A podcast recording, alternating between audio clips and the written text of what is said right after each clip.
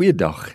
Terwyl daar 'n nuwe week vir jou uitgestrek lê, wil ek jou graag groet met die woorde van 'n baie goeie vriend van my. Hy het altyd gesê, mag hierdie week vir jou onbelemmerd wees. Met ander woorde, mag niks jou keer nie, mag niks jou oorwinnings beïnvloed nie, mag niks jou pootjie of mag daar net niks in jou pad lê wat jou stop om te wees of dit te bereik wat God graag in hierdie dag en hierdie week met jou lewe wil doen nie.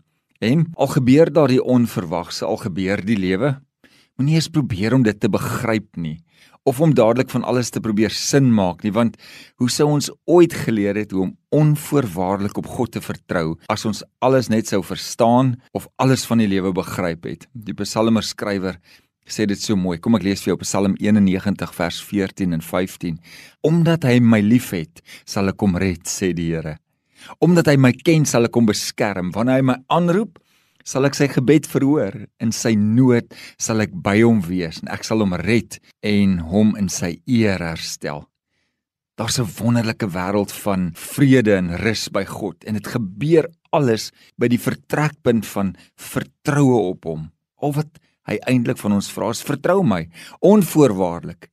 Dit beteken gewoonlik dat ons 'n bietjie moet wag ook Besef jy hoe anders jou dag kan wees of jou week kan wees as jy nou kies om onvoorwaardelik op die Here te vertrou, om op hom te wag. Jy sien as donker wolke jou sig belemmer of ewe skielik 'n moeilike telefoonoproep of 'n slegte e-pos jou moed kom breek, ongeag van wat gebeur, leer om op die Here te vertrou, om op hom te wag. Vir hom is moeilike tye eintlik wonderwerktye. En dalk moet jy net anders daarna kyk.